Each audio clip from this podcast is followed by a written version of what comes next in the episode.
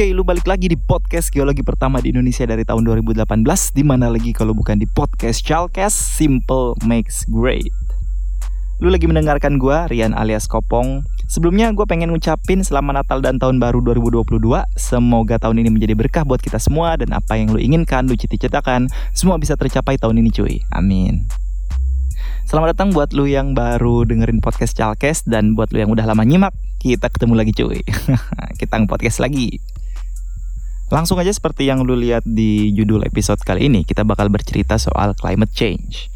Jadi awal gue kepikiran ini dari pas gue pulang kerja. Jadi kalau gue pulang kerja dari lokasi ke mes Itu gue bakal ngelewatin beberapa pit gitu. Nah waktu itu kondisinya hujan. Kalau hujan itu gue ngelihat banyak unit yang standby. Kenapa bisa standby? Ya karena jalannya licin dan gak aman buat dilewati, gak aman buat beraktivitas. Jadinya ya otomatis produktivitas di tambang bakal berkurang. Nah ngelihat ini gue jadi inget lagi kata kata-kata dari bapak kebun karet. bapak kebun karet tuh uh, yang punya lahan di tempat gue ngebor. Jadi si bapak ini bilang, e, Mas tahun ini musim panasnya kelewat ya.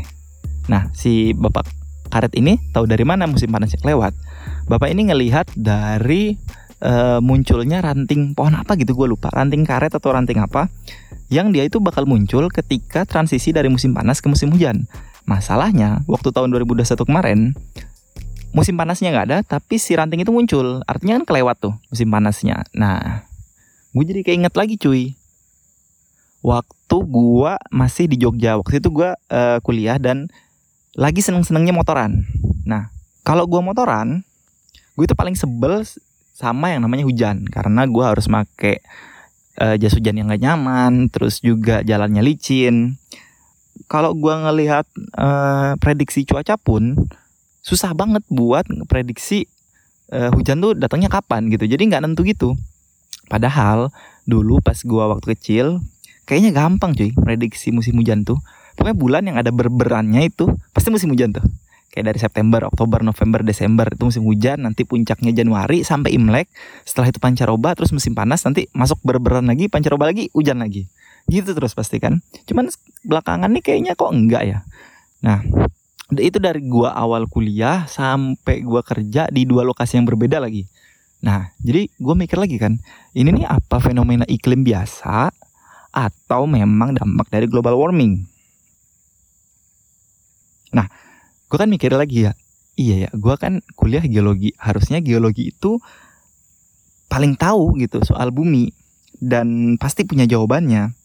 Nah, mungkin buat lo yang mikir hubungan iklim dengan bumi itu apa? Hubungan iklim dengan geologi itu apa? jawabannya ya banyak banget sebenarnya. Nah ini kadang hal yang sering dilupain sama mahasiswa atau bahkan praktisi geologi sekalipun. Karena geologi itu bukan cuma sekedar ilmu mencari batu bara, gimana mencegah longsor di tambang terbuka, atau metode ekstraksi migas sebanyak-banyaknya. Geologi lebih dari sekedar itu cuy. Geologi itu ada ilmu tentang bumi secara keseluruhan. Memang nanti ekstraksi, mitigasi, hingga konservasi itu bisa jadi aplikasinya. Namun geologi itu bercerita dari awal bumi itu terbentuk, perubahannya, hingga nanti akan jadi seperti apa. Maka termasuk juga cerita soal global warming, climate change, pasti geologi punya perspektif tersendiri. Nah, gue gak usah jelasin panjang lebar tentang climate change itu apa, uh, efek rumah kaca gimana, dampak CO2 terhadap bumi karena lu yang lagi dengerin ini pasti udah tahu, udah tahu masalah climate change, udah di mana-mana ilmunya. Gak perlu gue ulang. Nah, tapi yang jadi pikiran gue adalah kan climate change itu menyebabkan sea level rise atau kenaikan muka air laut. Nah, bukannya di geologi itu sea level rise merupakan hal yang biasa. In fact, atau faktanya sepanjang sejarahnya pun suhu bumi juga terus-terusan berubah kok. Sea levelnya juga terus-terusan naik turun kok gitu. Nah, jadi apakah ini hanya proses geologi tanda kutip biasa? Ya, jawabannya enggak juga. Tahu dari mana? Ya balik lagi ke metode-metode geologi kita bisa membuktikan hal itu. Ingat, sejarah geologi itu semuanya bakal tersimpan, baik di batuan maupun di catatan fosil. Perubahan-perubahan fisika, biologi, dan kimia pada bumi itu pasti semuanya tersimpan cuy. Memang perubahan bumi itu dipengaruhi banget sama uh, solar activity atau dari hal-hal di luar bumi. Jadi bukan cuma faktor internal seperti tektonik, pergerakan magma dan sebagainya, tapi faktor eksternal juga mempengaruhi.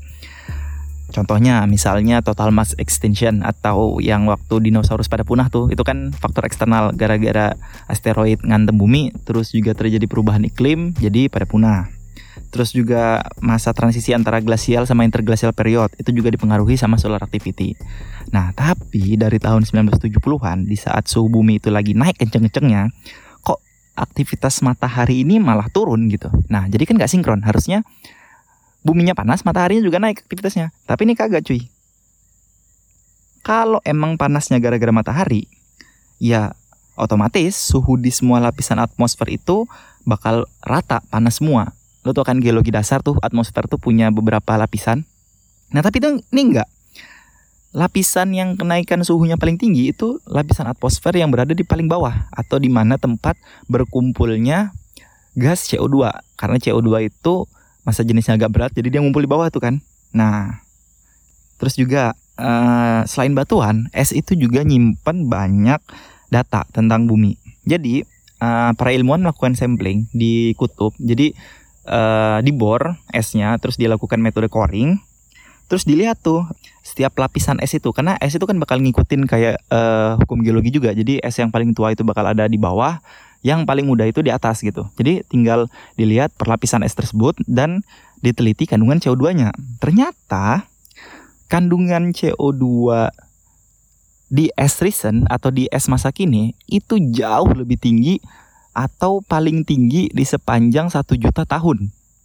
Padahal sepanjang sejarah geologi, peningkatan CO2 itu pasti ada hubungannya sama e, meningkatnya aktivitas vulkanik. Sedangkan kalau aktivitas vulkanik kita lihat e, masa recent itu ya lebih, relatif lebih tenang daripada masa lampau gitu coy. Nah kan ini ada apa lagi nih gitu. Terus anomali suhu juga gini. Lo tau film SH kan yang ada mamut gitu. Nah itu kan uh, based on true story ya. itu zaman Pleistosen. Pleistosen itu saat uh, berakhirnya masa glasial. Uh, mencairnya es-es yang ada di bumi otomatis peningkatan suhunya tinggi dong.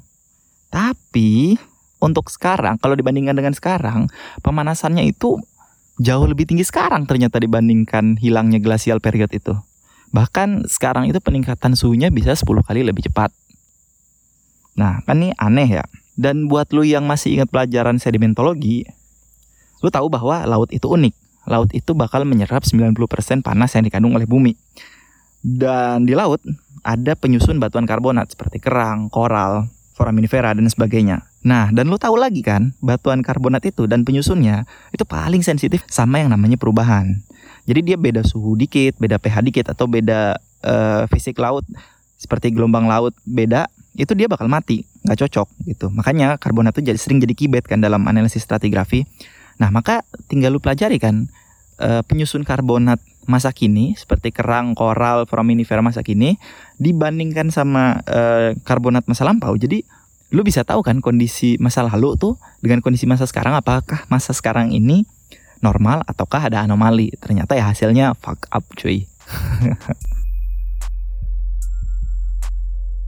Jadi yes ya global global warming itu nyata sekali itu bukan hoax karena masih ada juga yang percaya bahwa uh, climate change atau global warming itu fenomena normal padahal ya nggak normal juga sih. Dan disclaimer dikit gue nggak akan ngasih banyak data atau angka atau statistik di podcast ini. Karena uh, eh, gue nggak pengen podcast ini jadi terlalu um, teknis karena tujuan episode ini bukan itu juga. Oke okay, global warming nyata. CO2 emang meningkat suhu bumi emang naik. Biangnya siapa nih? Nah ini. Pasti yang selalu jadi kambing hitam yang selalu disalah-salahin itu uh, fosil fuel. Batu bara migas ya kan Nah, padahal lo tau nggak, bukan cuma industri itu aja yang menyebabkan peningkatan CO2 di bumi ini. Hampir semua industri yang menyangkut sama kehidupan kita itu berperan sangat besar terhadap peningkatan CO2. Contohnya, industri makanan, industri pakaian, manufaktur, pembangunan. Semua itu menyumbang CO2 yang sangat tinggi cuy. Nggak percaya. Lu suka makan daging, daging sapi? Sapi itu, peternakan sapi itu salah satu penyumbang CO2 terbesar juga bagi bumi. Dari mana? Dari gas metan yang dihasilkan sapinya, lahan-lahan yang dibuka untuk peternakan, untuk pakannya, terus obat-obatannya, belum limbahnya. Apalagi beras, gak usah sapi deh, beras. Beras itu juga boros CO2 kalau kata gue. Kenapa? Itu lahan yang dibuka, pestisidanya, belum lagi pupuknya. Itu semua kan kalau menghasilkan CO2 gitu. Bahkan CO2 yang dihasilkan oleh industri beras kalau digabungin di seluruh dunia selama satu tahun dibandingkan dengan industri pesawat terbang di, di seluruh dunia digabungkan dalam satu tahun, terus lu compare itu ya carbon footprintnya sama gitu loh. Gila nggak tuh? Iya emang. Terus cara kita bikin jalan, lu bikin jalan masih pakai aspal kan? Atau pakai beton deh? Pakai beton. Beton dari mana? Dari semen. Semen dibentuknya dari mana ya? Dari gamping eh, dibikinnya kan. Gamping ngolah jadi semen pakai apa? Pakai batu bara dipanasin, diolah. Listrik, listrik pakai apa ya? Kalau nggak pakai diesel ya pakai eh, batu bara mostly di Indonesia. Terus apa lagi? HP, elektronik, elektronik itu eh, punya part-partnya, punya plastiknya, punya semua semuanya itu internal bagian internalnya dapatnya dari mana ya dari tambangan itu bahan logam mostly bahan logam semua gitu Nah terus jadi solusi mengurangi CO2 ini gimana?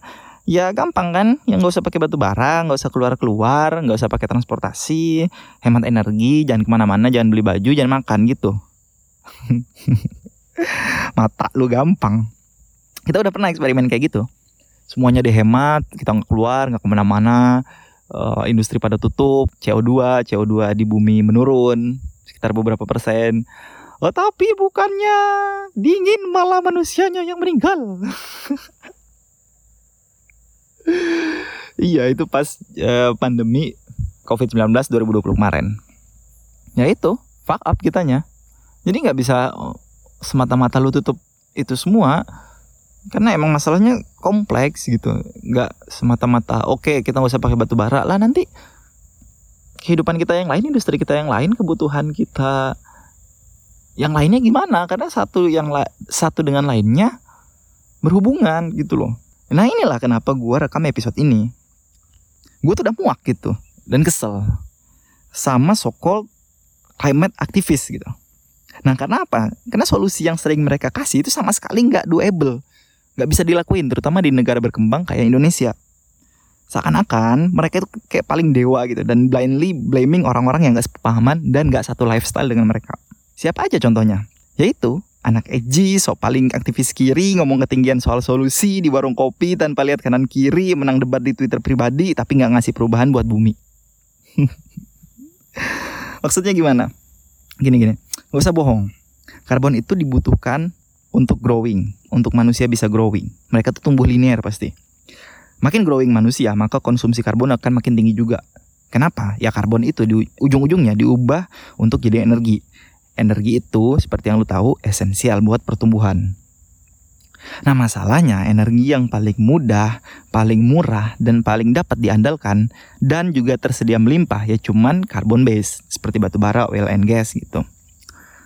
Oke sekarang kita ngomongin negara deh. Negara maju, oke sekarang mereka itu hijau, mereka pakai renewable.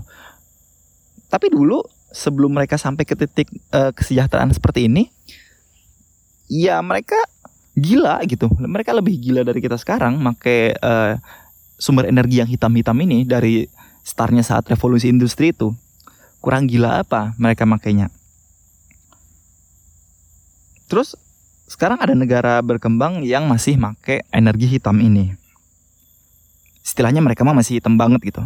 Kenapa masih gitu? Ya karena buat ngejar pertumbuhan tadi memaksa negara-negara berkembang untuk shifting ke negara maju itu kok sepertinya kayak yang nggak adil ya. Kayak nggak mungkin gitu. Yang ada kalau misalkan langsung semuanya di shifting keteteran iya tumbuh kagak. Jadi nggak dapat apa-apa kan. Nah masalahnya lagi yang gue resahkan lagi campaign soal climate change yang beredar selama ini itu pasti yang pertama nyuruh masing-masing orang atau individu untuk bertanggung jawab Contohnya kayak pakai tote bag dibandingin plastik, beli mobil listrik, pasang panel surya, uh, panel surya sendiri gitu. Terus yang kedua, campaign yang beredar itu ya sebatas retorika yang mana ujung-ujungnya duit gitu loh. Udah. Ujung-ujung jual produk. Coba lo pikir lagi dah. Ujung-ujungnya jual produk cuy. Kalau mau jujur-jujuran lagi, coba itu lu hitung carbon footprint untuk pembuatan tote bag dibandingkan pembuatan plastik.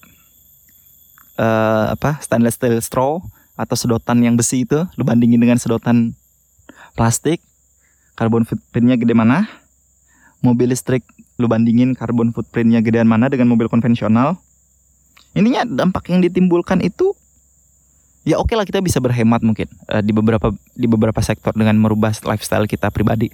Cuman ya dampak yang ditimbulkan akan terlalu kecil untuk permasalahan yang sangat masif itu. Jadi bukannya orang yang susah dibilangin soal climate change, bukan orang nggak percaya tentang climate change, tapi emang solusinya nggak segampang pakai tote bag ke mana-mana atau matiin lampu di setiap hour cuy. Kayak lihatlah sekitar. Gimana ceritanya lu mau nyuruh orang berhenti makan daging karena daging itu menyumbang CO2 buat bumi, sedangkan makan daging sendiri masih menjadi suatu kemewahan buat banyak orang. Iya kan? Makan daging aja masih jarang, cuman lebaran doang makan daging, masih banyak lu lu main-main ke desa deh ke pedalaman gitu. Daging itu masih mewah. Gimana ceritanya lu mau hashtag tolak tambang ketika masih banyak orang yang teriak-teriak ketika listrik mahal dan bahkan masih banyak orang yang belum nikmatin akses listrik secara merata. Percuma lu gegayaan pakai mobil listrik kalau lu masih pakai jalan yang sama. Lu pakai bikin jalan dengan jalan dengan cara yang sama. Dan juga percuma nggak pakai plastik tapi bikin rumah masih pakai semen dan beton. Ngerti gak sih maksudnya di sini? Bukan 100% percuma, cuman ngerti skalanya kan? Oke ada bahan organik, tapi tapi lu cek dulu dah organik lu itu beneran organik atau cuman ditempel stempel organik. Makanya kenapa selama ini podcast Chalkes itu seakan-akan pro banget sama batu bara dan energi kotor. Ya karena kita tahu masalahnya tuh kompleks dan kita butuh solusi yang emang mendasar, kompleks juga. Lagi pula siapa sih yang nggak mau energi bersih cuy? Semua juga mau, asalkan itu tadi bisa diandalkan, murah, mudah dipakai dan didapatkan dan merata buat semua gitu. Siapa yang nggak mau sih? Mafia, pejabat korup, elit global. Tenang aja, mereka ini yang bakal duluan shifting juga kok. Jadi kalau semua shifting mereka juga bakal shifting kok. Renewable tuh juga bakal dikuasain mafia kok, tenang aja. Kenapa tadi ya? Itu ribet. Ya emang ribet. Gue sampai kepikiran bahwa ya untuk tackle ini semua butuh perubahan masif perubahan ekonomi skala besar, perubahan raksasa untuk semua industri dari hulu ke hilir. Siapa yang punya kuasa untuk ngeganti itu semua? Ya salah satunya pemerintah. Gitu. Mereka yang punya kuasa untuk bikin peraturan, untuk bikin wewenang. Ya hal simpel yang bisa lo lakuin, ya manfaatin hak pilih lo. Lo pilih pemerintah yang emang beneran peduli dan ngerti soal lingkungan atau soal sains. Ya kita punya EBTK EBT apa Kementerian Energi Baru dan Terbarukan itu ya tapi hasilnya kan ke mana ya gue sih belum ngeliat ya. Atau setidaknya gini deh fasilitasin aja riset dan perusahaan berbasis green energy untuk bisa tumbuh. Sekarang riset riset dari kampus apalagi buat yang green energy green energy itu pada ke mana? Ya mentok di paper mentok di lomba udah itu lu pulang menang lomba. Ya ya ya ya udah besok nggak kepake itu papernya. Ngapain orang penelitian kalau gitu? Terus ya kalau lu ada duitnya, ya monggo berubah, monggo pakai tote bag, monggo ngerubah cara makan lu pakai yang organik, pakai sapi juga organik kalau bisa ya. Tapi ya jangan nyalah-nyalahin orang yang masih bisa belum. Tapi ya jangan nyalah-nyalahin orang yang masih belum bisa kayak lu. Blindly nyalahin lifestyle orang karena beda yang gak adil juga. Mereka bukan gak mau mereka belum mampu cuy dan ya nyalah-nyalahin industri migas atau tambang yang mana mayoritas dari kita masih butuh juga ya aneh aja sih menurut gue karena intinya ya semua bakal gampang kalau kita ada duitnya baik kolektif maupun personal dalam artian ya kesejahteraan dan pemenuhan kebutuhannya. Tapi kalau kelamaan juga kita berubah ya nggak ada progres ya jangan juga gitu ntar keburu telat. Tapi bukan itu yang dikhawatirin kalau menurut gue sih ya Kan yang energi kotor ini ada alasannya kenapa mereka disebut non non renewable. satu saat bakal habis. Saat itu sudah habis kita masih butuh energi. Nah di situ titiknya menurut gua. Jadi ya kayak gitu coy. Unek-unek dan keresahan yang pengen gue tumpahkan di episode ini tentang kalimat change. Oke mungkin itu aja cuy. Kalau lu setuju ya syukur. Kalau nggak setuju ya kita bisa diskusi lebih lanjut. Lu bisa hubungin chalkes di chalkes@gmail.com atau di sosmed kita ada di Instagram @chalkes. Di Facebook dan Twitter juga sama. Atau info lebih lanjut ada di www.chalkes.wixsite.com/podcast semua link ada di deskripsi. Dengerin juga episode lain podcast Chalkes uh, tentang bumi tentang energi tentang tambang Eh, semua bisa lo dengerin di Spotify, di Apple Podcast, di Google Podcast atau di platform lain yang lo suka. Gratis bisa lo download. Um, Oke, okay, terima kasih banyak buat lo yang udah dengerin sampai menit sekian ini. Semoga bisa nambah perspektif buat lo atau ya cuman sekedar nemanin lo lagi ngapain kayak. Gue Rian Kopong undur diri cabut. Bye.